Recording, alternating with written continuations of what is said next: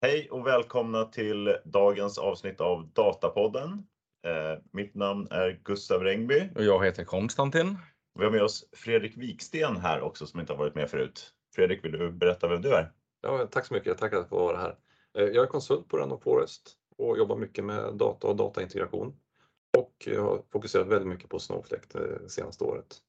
Välkommen. Tack, tack. Och det passar ju väldigt bra eftersom det har varit eh, Snowflake Summit här förra veckan. Vi pratade lite om det i förra avsnittet också. Så nu har vi ju laddat upp med lite Snowflake-artiklar. Det kanske blir fler nästa vecka också, men vi har börjat i alla fall med två artiklar från, som handlar om nyheterna som kommer från Snowflake Summit. Eh, ska Konstantin, ska du börja? Absolut, jag hittade en artikel här på VentureBeat som är titeln Snowflake Summit 2022. Here is what digital leaders found interesting. Och eh, då har då VentureBeat talat med tre chefer om vad de har tagit med sig från Snowflake Summit. Då är det Brandon Hootman, Director of Digital Data på Caterpillar, inte att förväxla med Director of Analog Data. Det lät väldigt likt eh, VDns namn på Snowflake va? Ja, ungefär så. Mm. Och sen är det Salim Sayed som är Vice President of Slingshot Engineering på Capital One Software. Och sen Rabat Karant, Director of Security Compliance and Assurance på Trip Actions. Men först ut får då Brando Hootman som var helt excited över utvecklingen av Snowflakes partner-ekosystem applikationer. Och inom detta område så presenterade Snowflake eh, Native Application Framework som tillåter tredjepartsutvecklare att bygga applikationer och publicera dem på deras marketplace. Och är redo att användas mot kundernas data direkt då. Lite som App Store, eh, minst sagt. Eh, Det är inte bara data man har liksom i ekosystemet? Nej, utan du har liksom, applikation, du liksom. har applikationer då som du kan bygga och publicera. Eh, som andra kan använda då på sin data. Mm. Ehm, För data har de haft tidigare. ja, Som- det finns redan applikationer att koppla upp. Eh, sådär. Mm. Men nu ska det väl vara en fortsättning på redan inslagen väg att man kan tillåta andra att utveckla liksom lite mer native för Okej. Snowflake. Som nummer två så var det Salim Sayed som främst tog med sig ett citat att föra vidare. Run everything on Snowflake. Det låter ju enkelt och smidigt. Eh, men han refererade till att eh, Snowflake utvecklades från att vara liksom bara ett datalager i molnet till en plattform som kan ta, ta sig an de flesta delarna. Och under konferensen som presenteras en ny del, Unistore, eh, som låter eh, datatransaktionella källsystem synkas med Snowflake. Så istället för att du har liksom batchkörningar Eh, in med data då så kan du liksom ha en, en synk då så att du som de eh, uttrycker det near, near real time analytics. Så det, är- det är verkligen en spännande ny grej. Um, och Sarin kommenterade här saken så här. I think their focus on data sharing is completely revolutionary concept. People five to 10 years from now will say, you know, we used to have copy data all the time. But now Snowflake is making so much easier to share data securely with a wide ecosystem of people and partners. And I think this is going to be just so powerful. Um, så det tog han med sig. Och sen var det då rabattkarant som var imponerad över ökat fokus på datasäkerhet. Um, här talas Snowflake främst om en målsättning om att kunderna ska integrera tredjepartsapplikationer för säkerhet då så att det som kunderna behöver eller måste ha ska de kunna liksom eh, integrera då i Snowflake. Det kan ju tänkas då typ banker eller andra som har liksom specifika säkerhetskrav. Ehm, sådär. Så det är liksom lite häftiga, lite häftiga nyheter sådär. Mm. För det är liksom, visst är det tre nya workloads också då som kommer med det här. De har ju, Snowflake har någonting de kallar för workloads och det är liksom affärsområden eller tillämpningar av Snowflake. Mm. Och det är väl den här eh, Unistore är en ny, Precis, det är en ny workload. en ny workload. Mm. Och så finns det en ny som heter Data Security också. Mm. och en Data Governance också va? Ja, just det. Som kommer. Mm. Ja, det var intressant. Det visste inte att de klassar in dem som ny, till, till och med nya workloads. Det är en stor grej som Snowflake har tryckt på, deras workloads, som du var inne på artikeln Konstantin. Mm. Mm. eh, de var väldigt stora på klassiska data warehouse, där, det var Mm. där de började. Sen expanderar de vidare till där de kallar sina workloads för data engineering, data lake, data application, data science och data sharing. Det är sex stycken traditionella. Just det, det är de här gamla workloads som de har haft Ja. tidigare. som trycker mycket på. Det är mycket så här, kategor- läser man dokumentation, de kategoriserar ju väldigt duktiga på att kategorisera Mm. vad, vilken workload är du rör dig i just nu. Mm. Eh, så det var intressant att de, de satsar på att lägga till Mm. fler nya här. Då. Mm. Men det är väl som delar av supercloud som vi snackade om förra veckan här.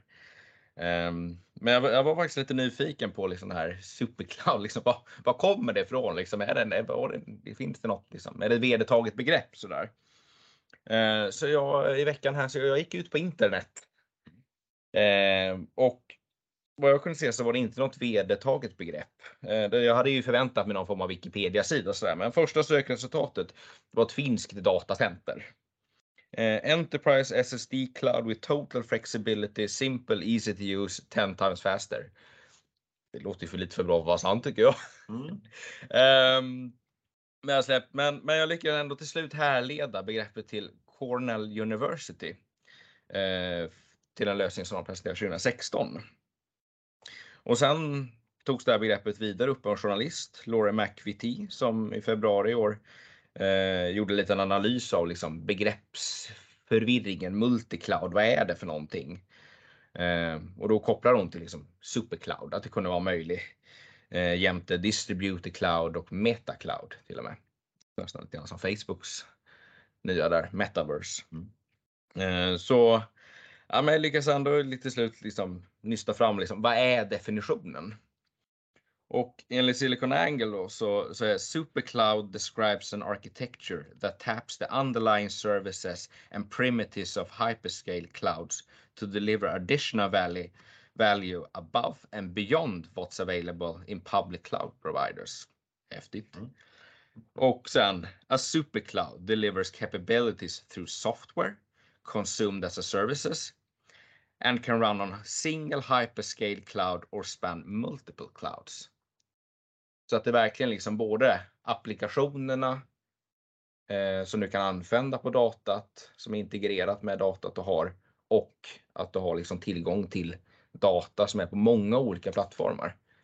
Och det blir verkligen den här typ Unistore, liksom att du den här nya workloaden, en, Mm. en del av det här att du gör kanske inte skillnad på ett transaktionellt källsystem eh, eller om det är liksom något som är native i molnet från början. För du har samma möjlighet att analysera den datan på samma plats. Ja, ja, för det är väl till och med att man kommer kunna hantera liksom transaktionella system i Snowflake va? Ja, Som jag uppfattar det med den här hybrid table. Det är ju precis. intressant. Då Ja, har liksom en eh, Snowflake har liksom gått in och varit en data warehouse och nu Mm. tar de också och blir en vanlig databas. Mm. Så de ska kunna hantera radbaserade transaktioner. Ja, det är väldigt skönt att- om allting redan finns där. Då är det ju ja. Eh, det är någonting datamodelleringen liksom man måste. Inte, Nej, jag, jag håller med och det här expanderar ju på i sin workload eh, data application. Att de verkligen får in applications native i deras plattform och datat där. Det här är något som jag har saknat i traditionella databaser. Att antingen har en databas som är bra för analys eller så har en databas som är bra för transaktioner. Mm. Och även om du har en databas som skulle kunna göra både och, då är det väldigt mycket konfiguration för att sätta igång. Traditionellt om du ska eh, jobba med vissa databaser så har du inte fått någon hjälp för att fine-tuna den för det ena eller det andra. mm. Men här, här sker, sker det ju ännu enklare. Du, du, du kanske bara skriver ett keyword, hybrid, eh, och så vet du vad det är för någon tabell eller de kanske lägger abstraktionslager på det här. Jag ser mycket, mycket Mm. fram emot det här. Många möjligheter ser jag. Men vad var funktionerna i den här eh, data security då? I, Det var- Finns det någon eh, mer eh, detalj eller får vi komma tillbaka till det senare? Jag tror vi får komma tillbaka till det i en senare fördjupning här. Above and beyond, är inte det en Star Trek? Eh... Är det inte det de gör? Nej, det kan... Ja, nej, det, Nej, det, det är Buzz Lightyear, Toy Story. Jaha, okej. Okej. Det, där- men det, det, det har med stjärnor att göra. Ja, nästan rätt, samma sak. Eh, ja, just det. Ja, och data governance är ju samma sak som vi har pratat också om. Jag antar att det finns, det kanske vi också får återkomma till här. Mm. Eh, om det Jag nästan ha en helt eget avsnitt om, Mm. om den, den biten.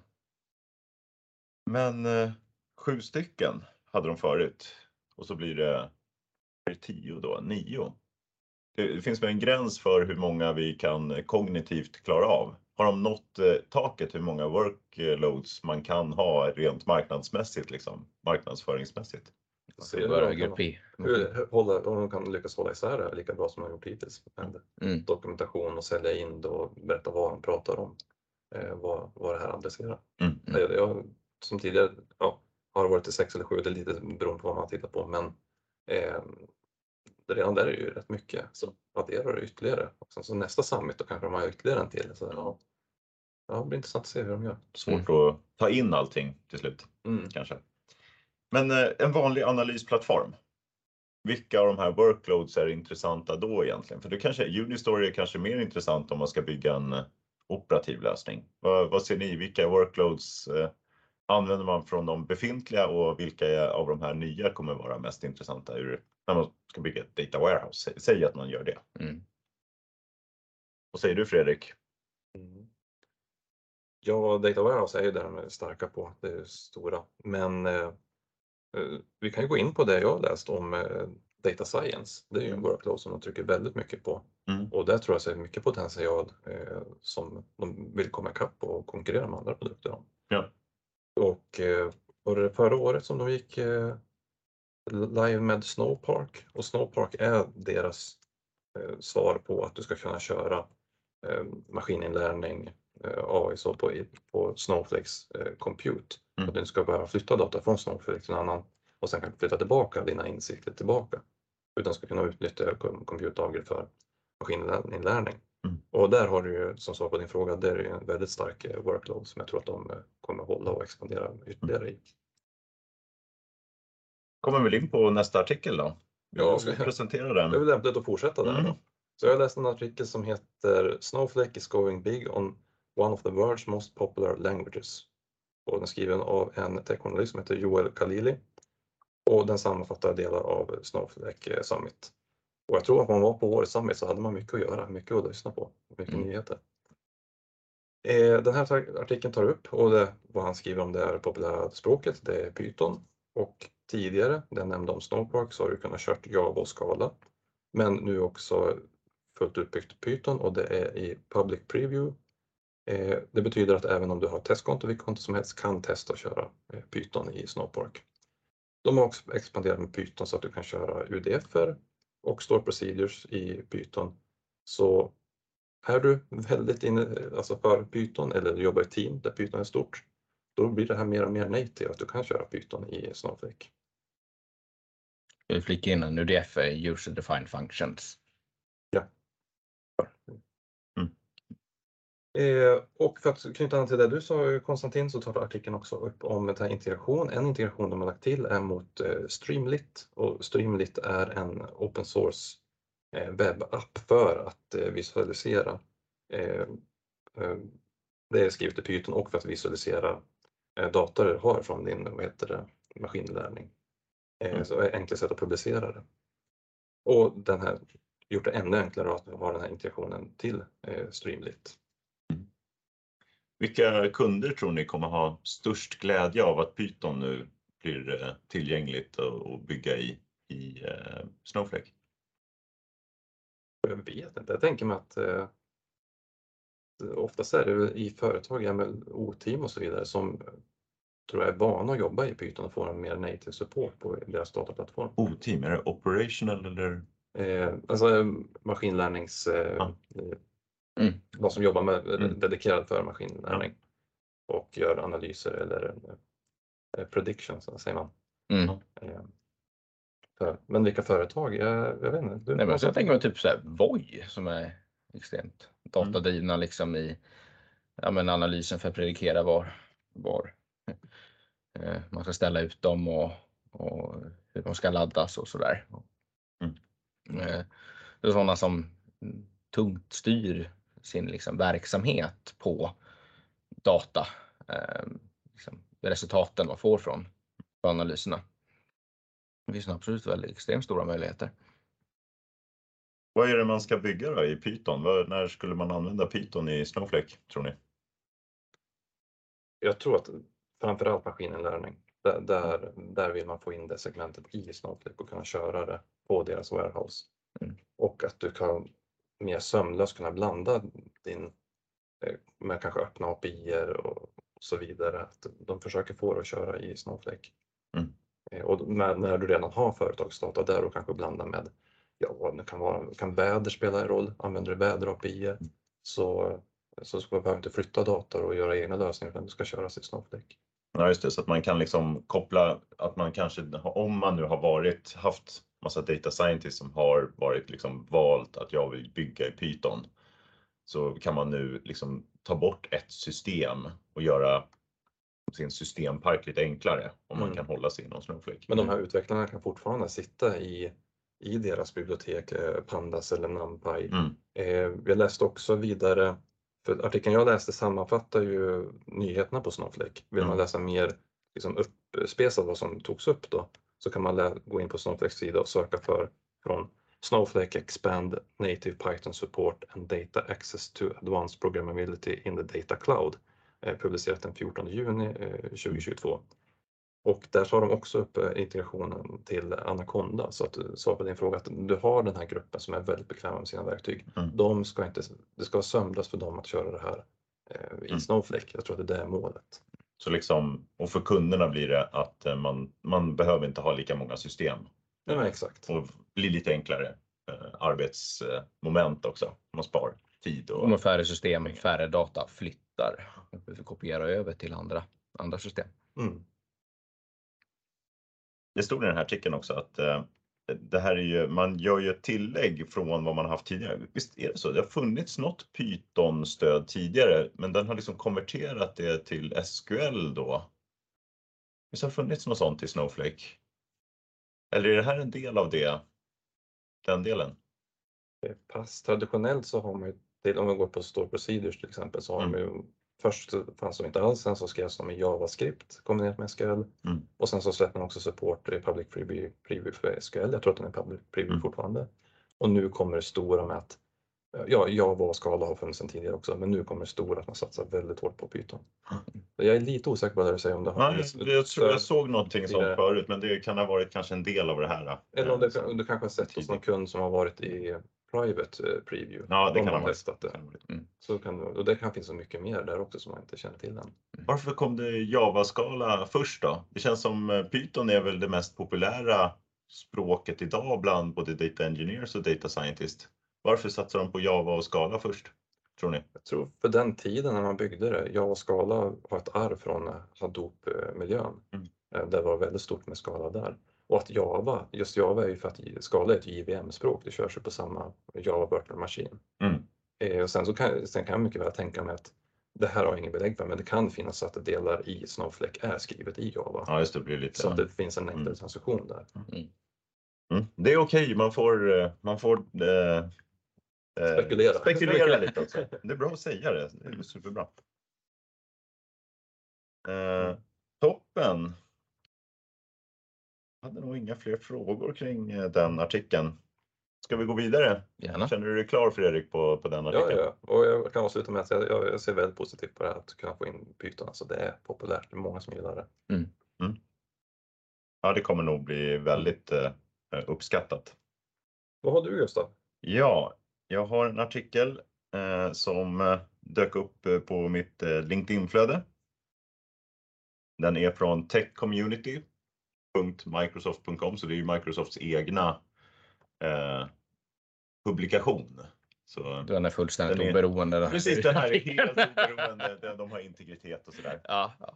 Men den är ganska informationsgivande också. Det är inte några egentliga eh, här åsikter utan de berättar om en ny funktion som de släpper då till Azure, Azure Data Factory.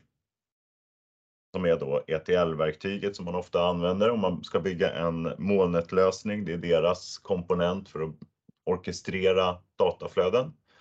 i ett eh, data warehouse eller en dataplattform eller analysplattform på olika sätt. Och eh, det är ju så. Det kan ju vara så att om man har en SAP-lösning eller SAP. Vi pratade lite här tidigare. Får man säga SAP? Eller SAP? vad, vad är rätt att säga? Vad säger man? Det affärssystemet SAP. Eh, så kan det ju finnas tillfällen då man vill få ut datat ur SAP.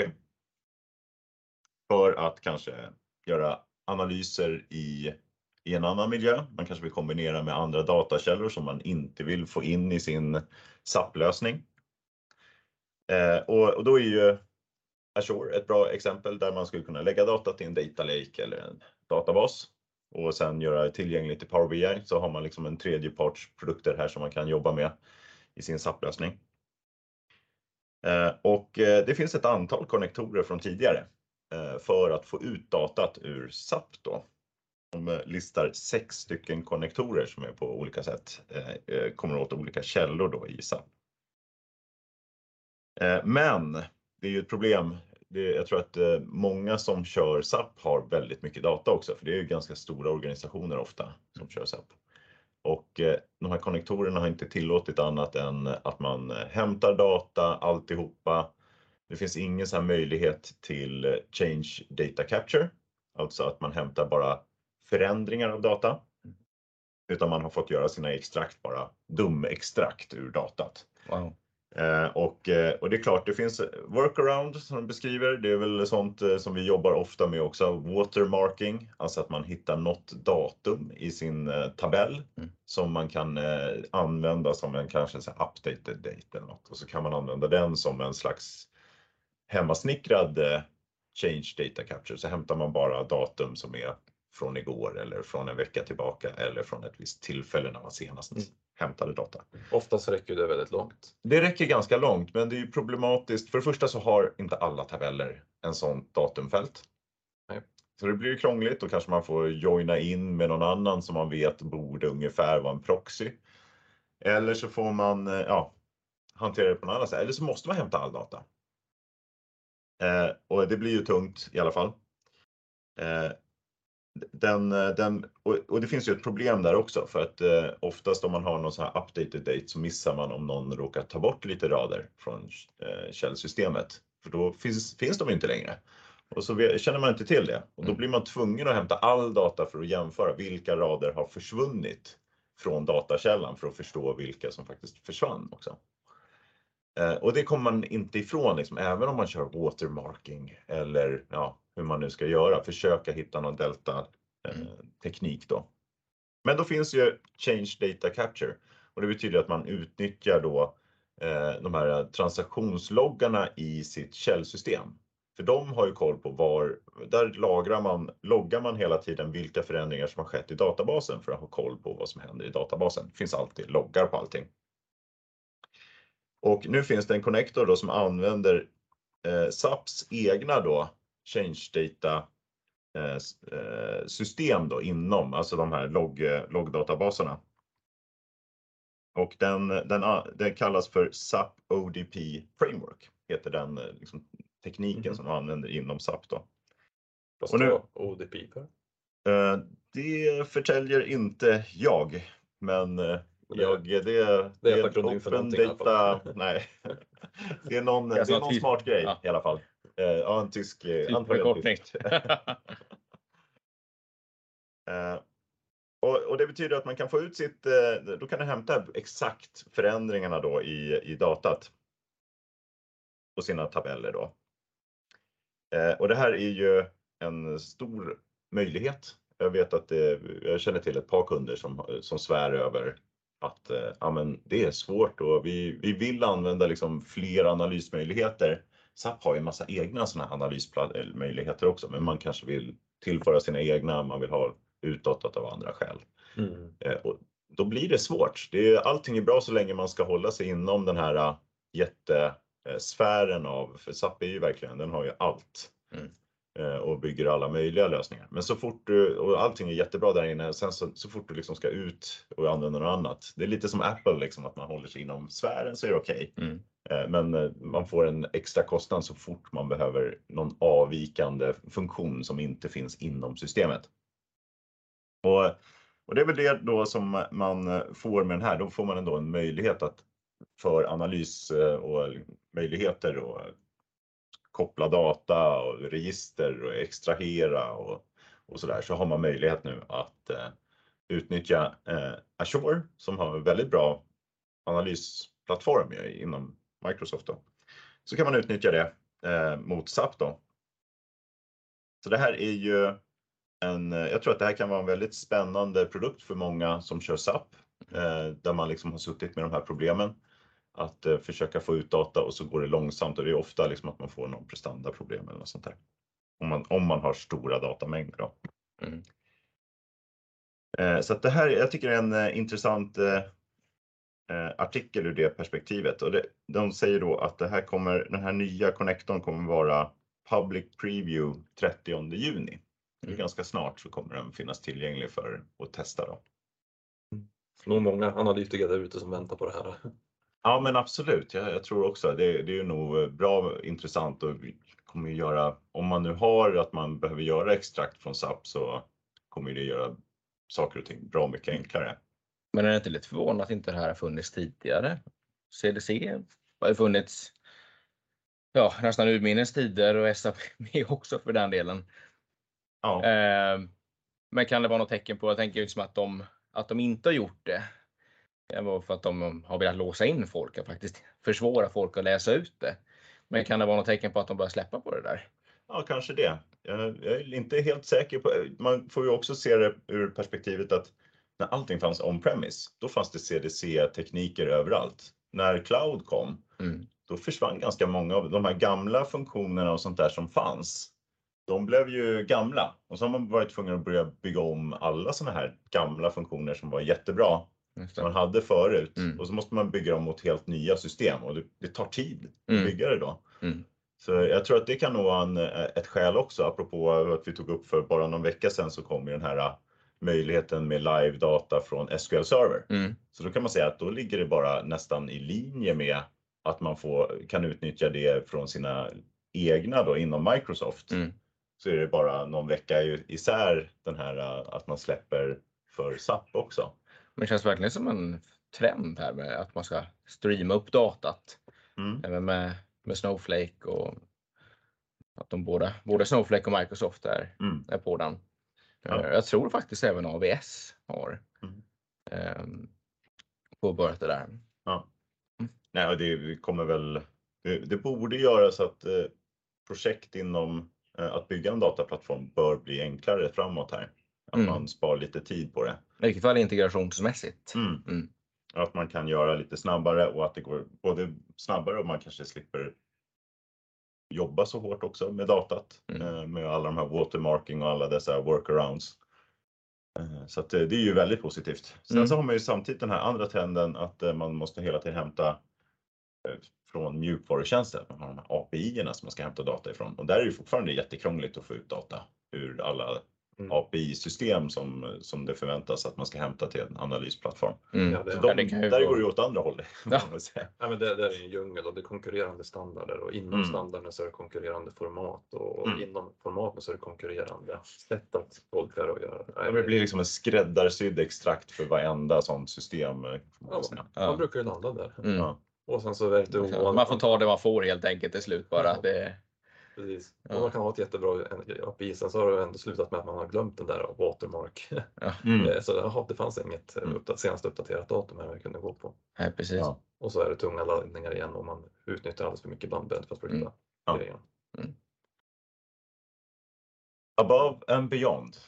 Exakt. Vi kommer framåt och det blir enklare. Men ja. eh, jag tror att eh, för vår del så kommer det också bli att eh, det blir mer data så att eh, man kommer ju hela tiden Eh, vi... mer möjligheter ändå mm. och vilja ta in mer data i analysplattformarna och dra nytta av det också. Mm. När, när tröskeln sänks. Mm. Misstänker jag. Men, ja, Konstantin, du hade en intressant... Eh... Ja, men Above and Beyond har ju även Internet Explorer gått här i veckan. Som har nått graven bokstavligt talat i Sydkorea. En man som har ehm, eh, rest en gravsten en fysisk gravsten eh, med Internet Explorer-loggan. Det står Internet Explorer 1995 8 17 till 2022 06 15. Med texten He was a good tool to download other browsers. Nästan rörande va? Det är väldigt fint. Det är väldigt fint. Det står att han spenderar en hel månad på att designa och eh, eh, få den här gravstenen då. Mm.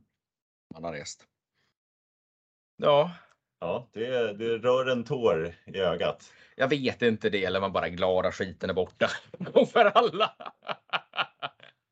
Ja, men det, har, det har väl lite betydelse för eh, Internet Explorer är väl den som har stött eh, Silverlight som var Microsofts eh, liksom egna Java Applet-motor. Mm.